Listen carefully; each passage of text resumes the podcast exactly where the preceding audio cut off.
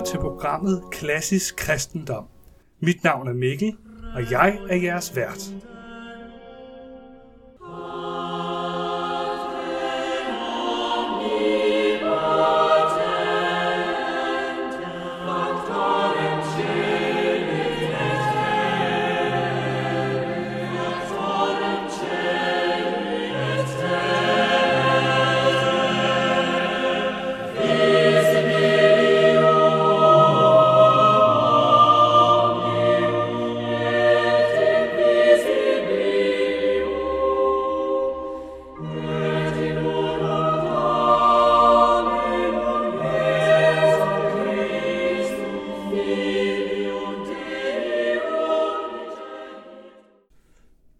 Velkommen til episode 4 af Klassisk Kristendom. I de sidste to afsnit har vi talt om, hvorfor det var nødvendigt for Gud at blive menneske. I dag skal vi zoome lidt længere ud og tale om, hvorfor vi overhovedet tror på en Gud. Er der nogen gode grunde til at tro på Gud? Altså andet end bare en mavefornemmelse, en blind tiltro, og en overbevisning uden grundlag. For den indstilling er faktisk meget fremmed for klassisk kristendom. Kristne har altid forstået tro som tiltro eller tillid til en overbevisning. Og den tiltro og overbevisning kan sagtens godt gøres. Så lad os tale sammen i dag om fem veje til Gud. Velkommen til Klassisk Kristendom, episode 4. Fem veje til Gud.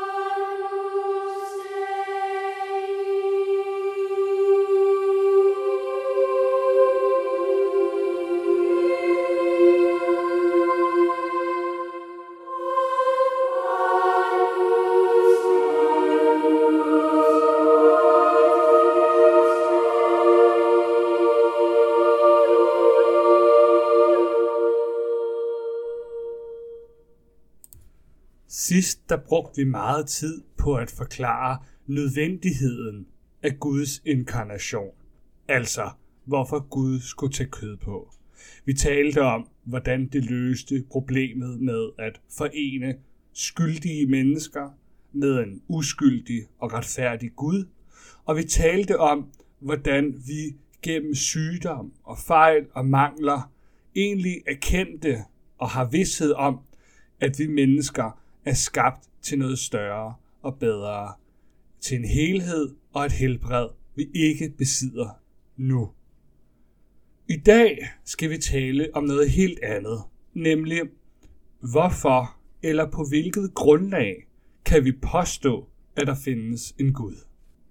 For nu om dage er det meget almindeligt og populært at anse tro som noget, der står i modsætning til viden Altså, hvis den religiøse siger, jeg tror på Gud, så er det samtidig også en kommentar om, at der ikke er nogen gode grunde til at tro på Gud.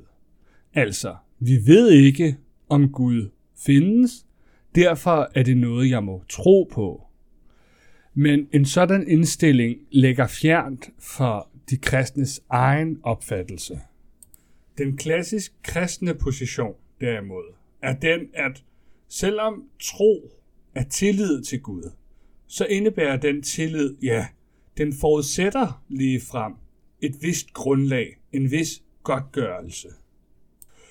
Bibelen nævner da også selv i Hebræerbrevet kapitel 11, at tro er fast tillid til det, der håbes på.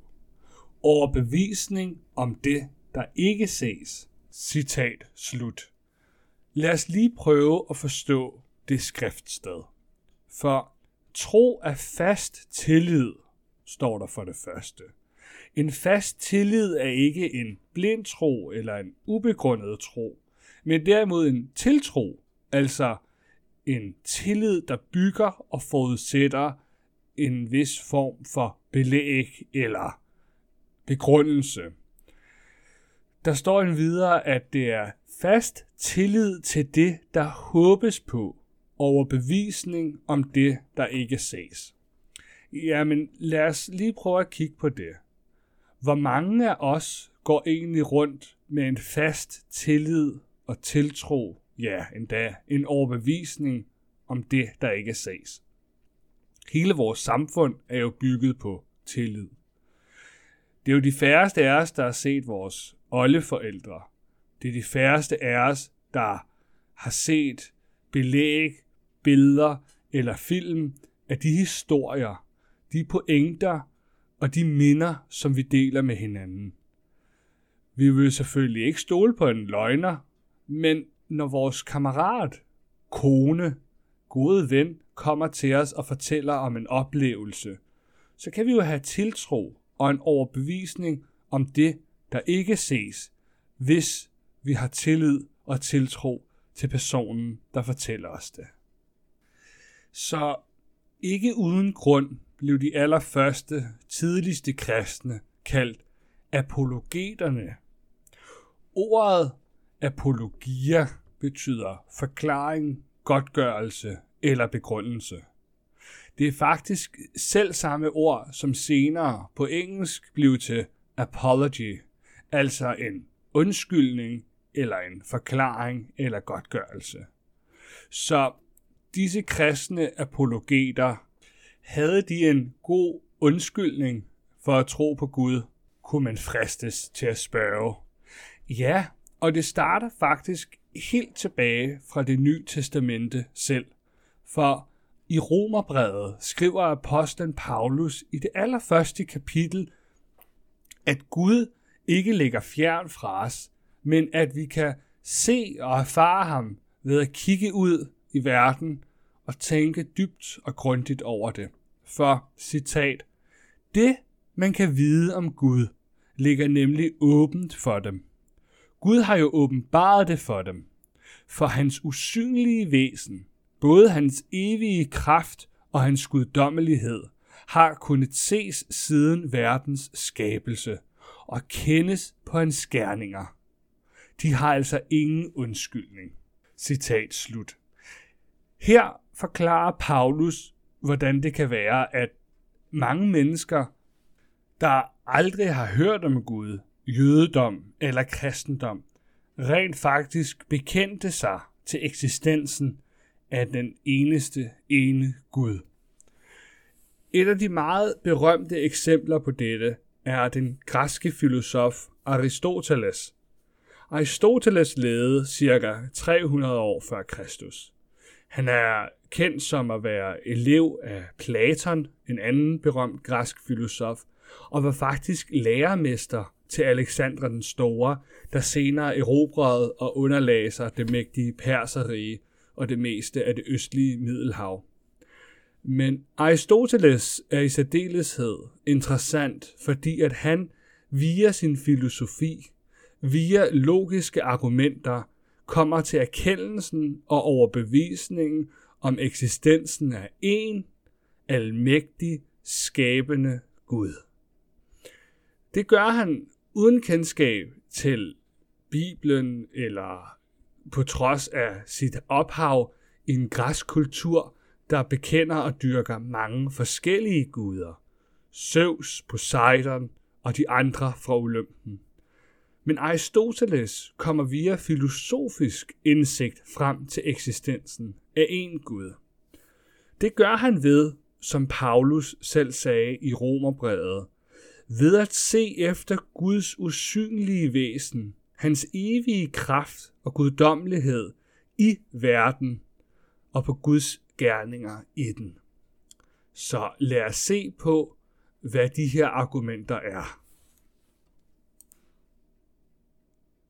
Og til det formål har jeg valgt at alliere mig med den særdeles berømte teolog, lærermester og dominikanske præst Thomas Aquinas.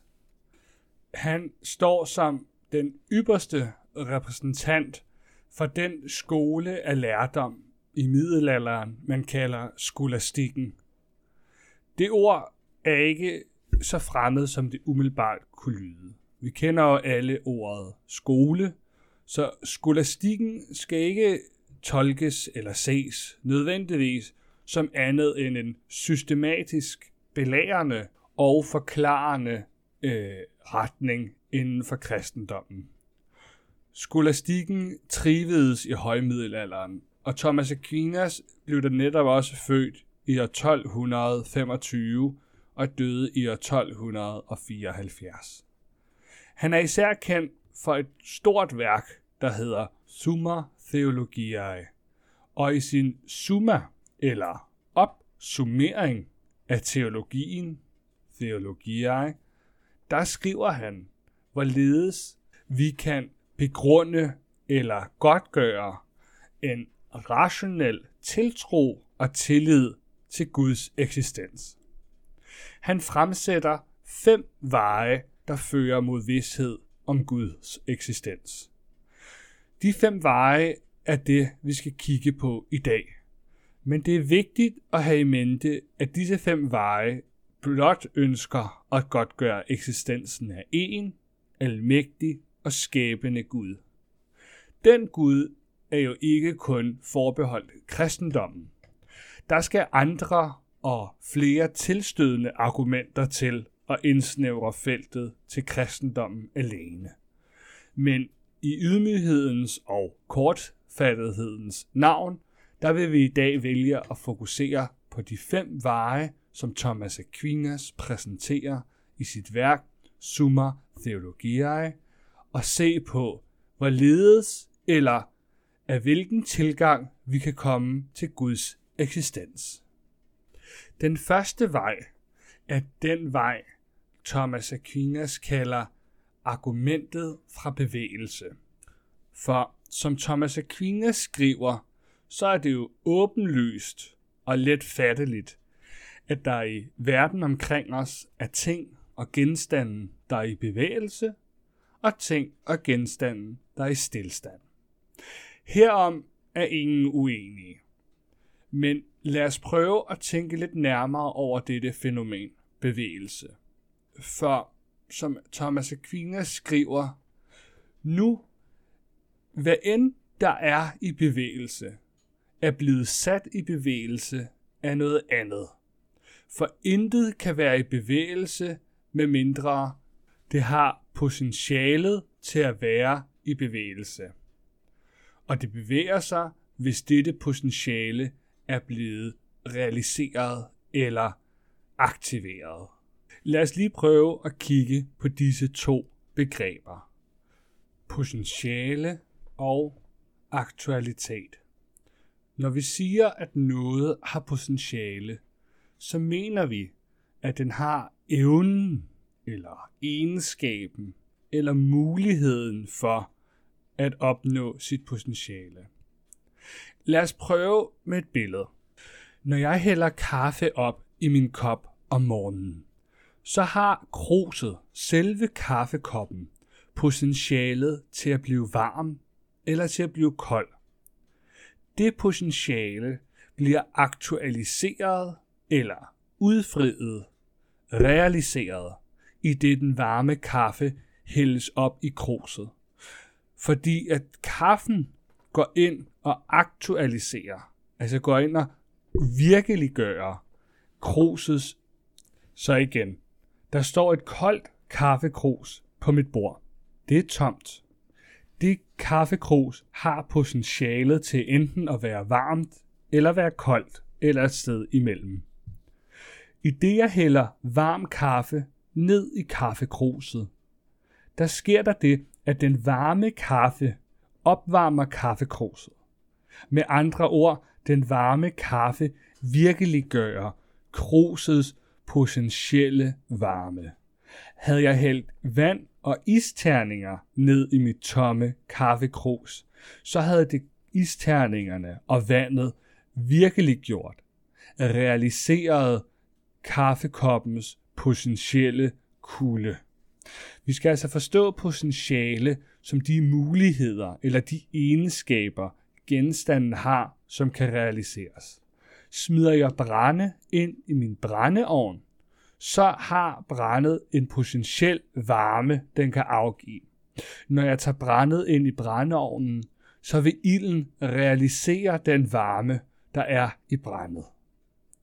Så lad os vende tilbage til Aquinas argument fra bevægelse. En hver genstand har potentialet, altså muligheden for at være i bevægelse. Men med mindre at noget andet har realiseret, altså aktualiseret, virkelig gjort genstandens potentielle bevægelse, så vil den være i stillstand. Igen, lad os prøve med et billede. Ligger der en fodbold på en græsmark, så har den muligheden, igen potentialet til at være i bevægelse. Men med mindre nogen sparker til bolden, skubber den eller kaster den, det vil sige realiserer, virkeliggør potentialet for bevægelse, så vil fodbolden ligge stille og ubevæget hen. Så langt, så godt. Altså, alt hvad der er i bevægelse, er sat i bevægelse af noget andet, altså en påvirkning. Men nu kommer vi jo frem til en spændende overvejelse. For hvis alt, der nu er i bevægelse, er blevet sat i bevægelse af noget forudgående, så er dette forudgående også selv sat i bevægelse af noget andet forudgående, og så frem tilbage i tiden. Men vi kan jo ikke blive ved med for evigt at trække denne dominorække tilbage.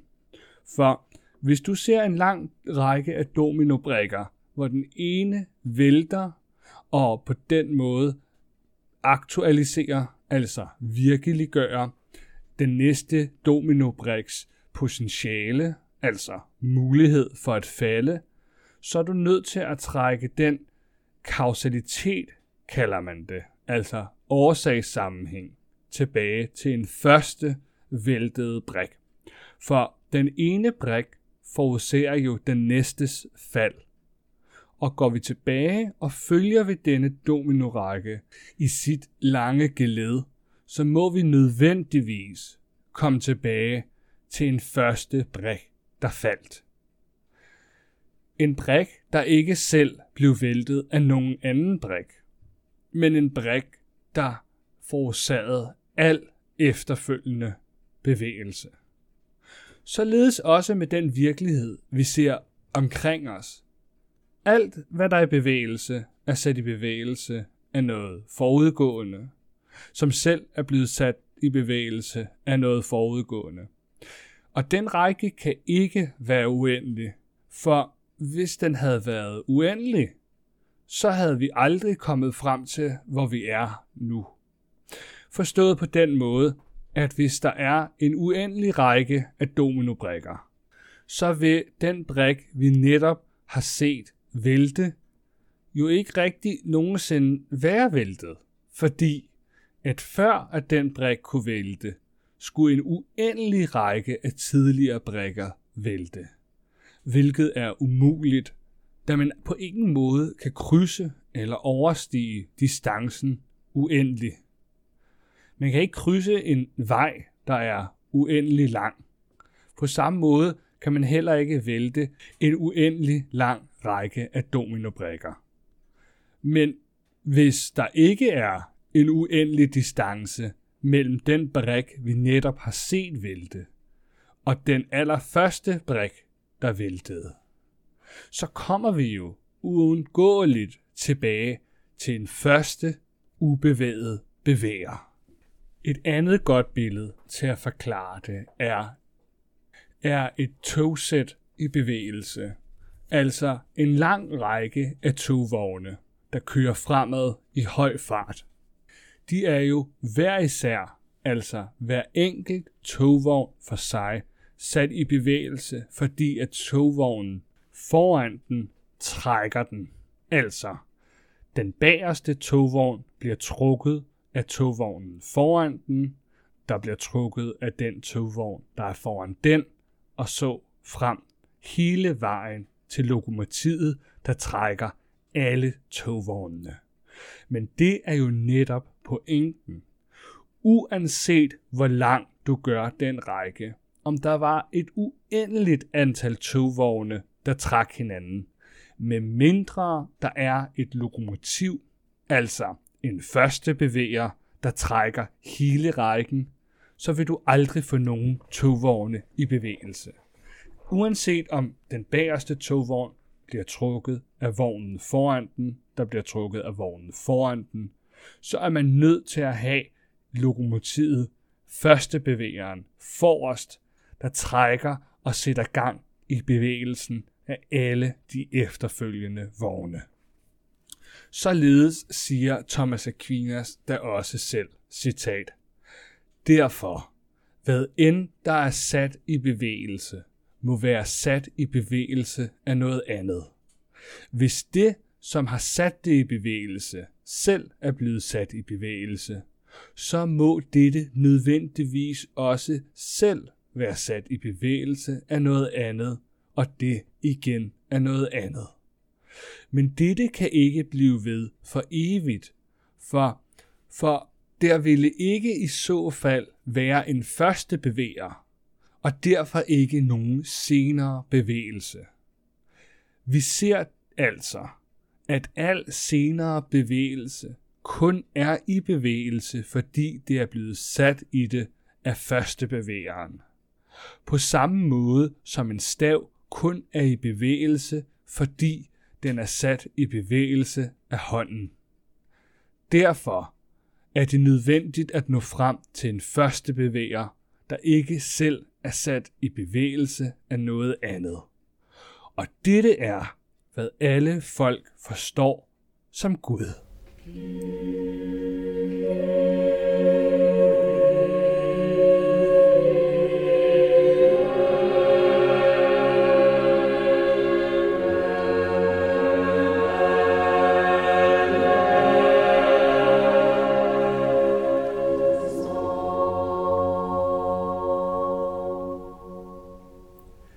Dette var Thomas Aquinas første vej til at godtgøre eksistensen af Gud.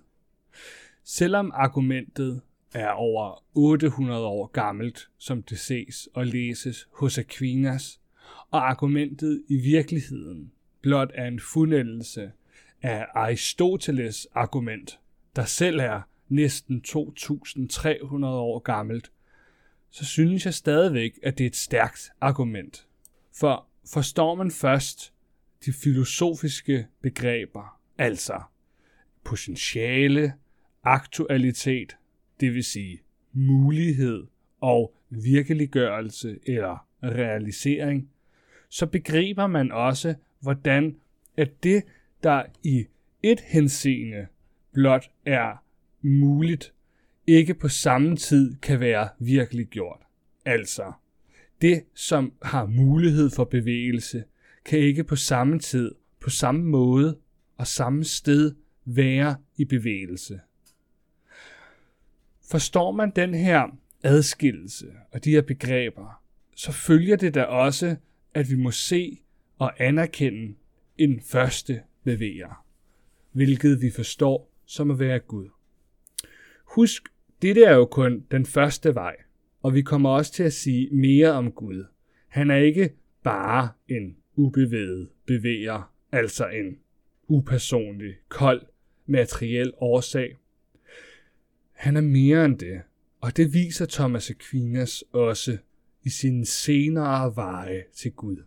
Så lad os kigge på Thomas Aquinas andre fire argumenter i de følgende afsnit, og husk, at du indtil da kan sende os spørgsmål eller mails på adressen klassisk kristendom gmail eller på vores Facebook-side Klassisk Kristendom. Og indtil næste gang ønsker jeg jer alle Guds fred.